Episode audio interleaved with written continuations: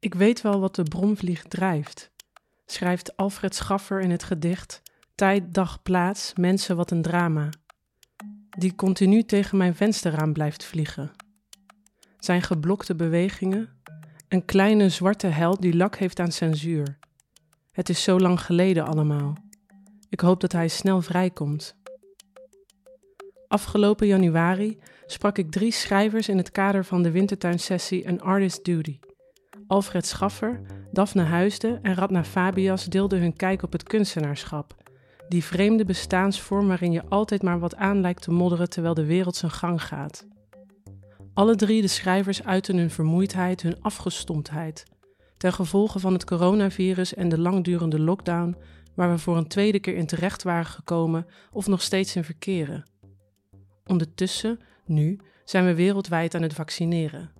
Of nou ja, de landen die het kunnen betalen vaccineren de mensen die er geld voor hebben of genoeg onderliggend leed om als eerste aan de beurt te zijn. Als ik terugkijk op afgelopen januari, voel ik nog steeds hoe uitputtend het was. Een zoveelste lockdown, mutaties van het virus, armoede, oversterfte, schreeuwende debatten. Er leek geen einde te komen aan de noodsituatie die we in de eerste plaats alleen accepteerden onder voorwaarde dat het van korte duur zou zijn. Kort en niet te heftig, niet te verdrietig, niet te moederziel alleen. En dan, precies in die periode, kozen die schrijvers en ik ervoor om over literatuur te praten. Of zo, natuurlijk.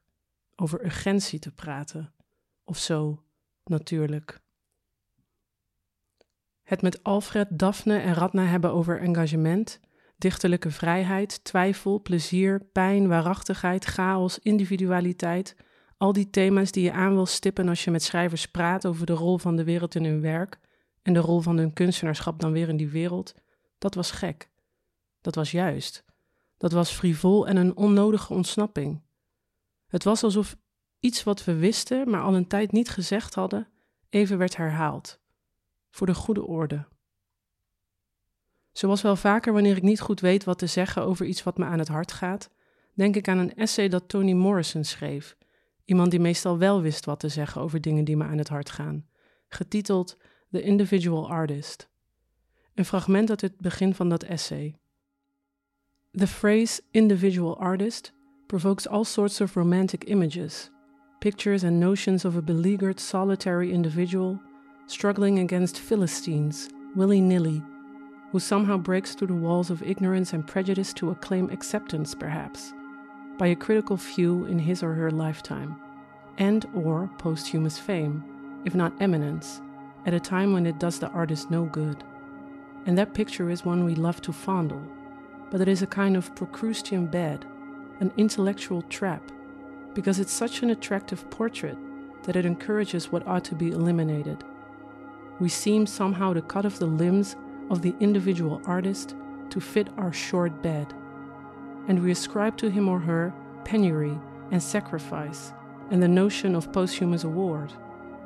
We love so much the idea of the struggling artist that we enfranchise not the artist, but the struggle.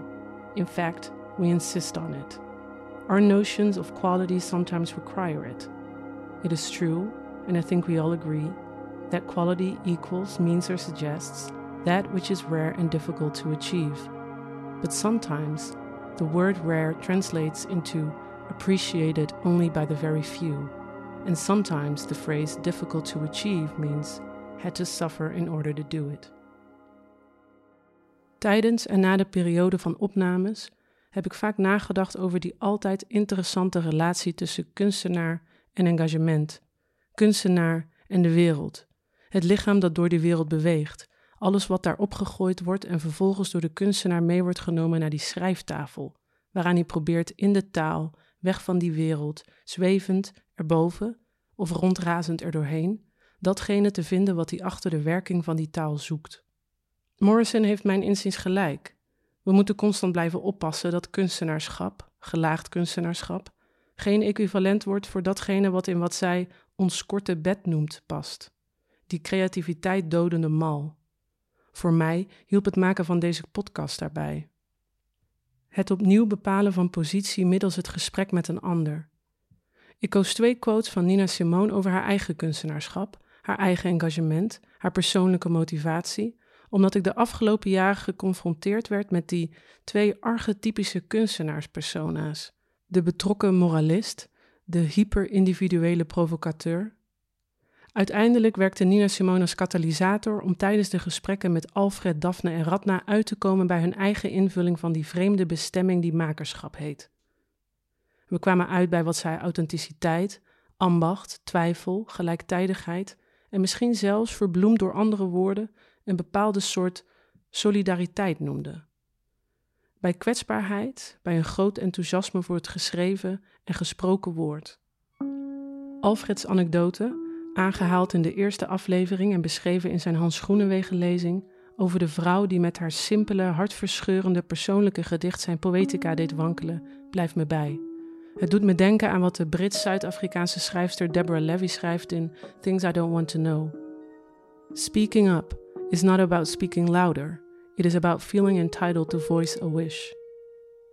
Het door Daphne gecreëerde scala aan kwetsbare, gebutste en doorleefde personages die ze de Nederlandse literatuur in heeft geslingerd, doet me denken aan Clarice Lispector, die in een van haar dagboeknotities, opgenomen in de kronieken De Ontdekking van de Wereld, schrijft: Ik loop zo erg uit de pas met de wereld dat het ronduit komisch is. Het lukt me maar niet gelijke tred te houden. Ik heb het wel geprobeerd, maar dat werkte op mijn lachspieren. Een van mijn benen was altijd te kort. De paradox is dat dat kreupelen aan mij ook vrolijk is, omdat het deel uitmaakt van mijn aard. Daphne's toch wel lichtelijk verontrustende schrijfmethodes, de huiver voor literaire cirkels, haar verlangen om altijd met één voet in wat je dan de echte wereld zou kunnen noemen te blijven staan, koppel ik dan aan de rest van Lispectors fragment. Maar als ik serieus word en gelijk op wil lopen met de wereld, schrik ik en word ik te neergeslagen. Maar dan lach ik ineens een bittere lach, die alleen maar geen kwaal is omdat hij bij mijn aard hoort. Je aard kun je niet genezen, je angst voor die aard wel. Radna's geloof dan, in het belang van gelijktijdigheid en Beckett's uitspraak over een vorm vinden die de zogezegde rommel kan behelzen. Haar mij zeer bijgebleven uitspraak geeft mij mijn twijfel terug. Dit doet me dan weer denken aan een dichtregel van Anne Carson, die in Autobiography of Red schrijft: A man moves through time. It means nothing, except that, like a harpoon, once thrown, he will arrive. En dan denk ik ook nog aan het gedicht dat ze voorlas, door haarzelf vertaald, van Dominicaanse schrijver Frank Baez. Een passende conclusie van die drie interviews, dat je zeker moet terugluisteren wanneer je dit tijd hebt. Een epiloog is een bericht tot besluit van een verhaal of een boek. Het is een narede, een ontknoping. Ik weet niet wat de ontknoping is van meer dan drie uur aan geluidsmateriaal van schrijvers die het over schrijven proberen te hebben. Het is in ieder geval niet zo dat ik een vraag stelde en die duidelijk beantwoord is. Daar was ik ook niet naar op zoek. De plicht van een auteur, wat die ook mag zijn, als die überhaupt bestaat, is niet antwoord te geven op vragen. Hooguit dat per ongeluk in de eigen authentieke zoektocht voor een ander te doen. Vandaar misschien al die referenties naar andere schrijvers, al die citaten. Misschien was ik niet op zoek naar antwoorden, maar voelde ik de meerwaarde van de vraag die uitnodigt tot andere, scherpere, verhelderende, verzachtende, grotere vragen. Herkenbaar materiaal, pijnlijke en ontroerende anekdotes, complexe waarheden en hopelijk inspirerende gedichten en passages. Een vraag die voortkomt uit verwondering en met iets wonderbaarlijks beantwoord wordt. Dank voor het luisteren. Ik wil nogmaals Corinne Herman bedanken, Dennis Gaans, literair productiehuis De Nieuwe Oostwintertuin en als productiebegeleider daarvan Elke Decates, wiens achternaam ik tot driemaal toe heel chic op zijn Frans uitsprak, maar gewoon een hoorbare S op het einde heeft. Mijn excuses, Elke, had dat toch eerder gezegd en veel dank voor de prettige begeleiding. Dit was een Artist Duty, dit was de epiloog. Ik ben Simone Atangana Bekono, au revoir.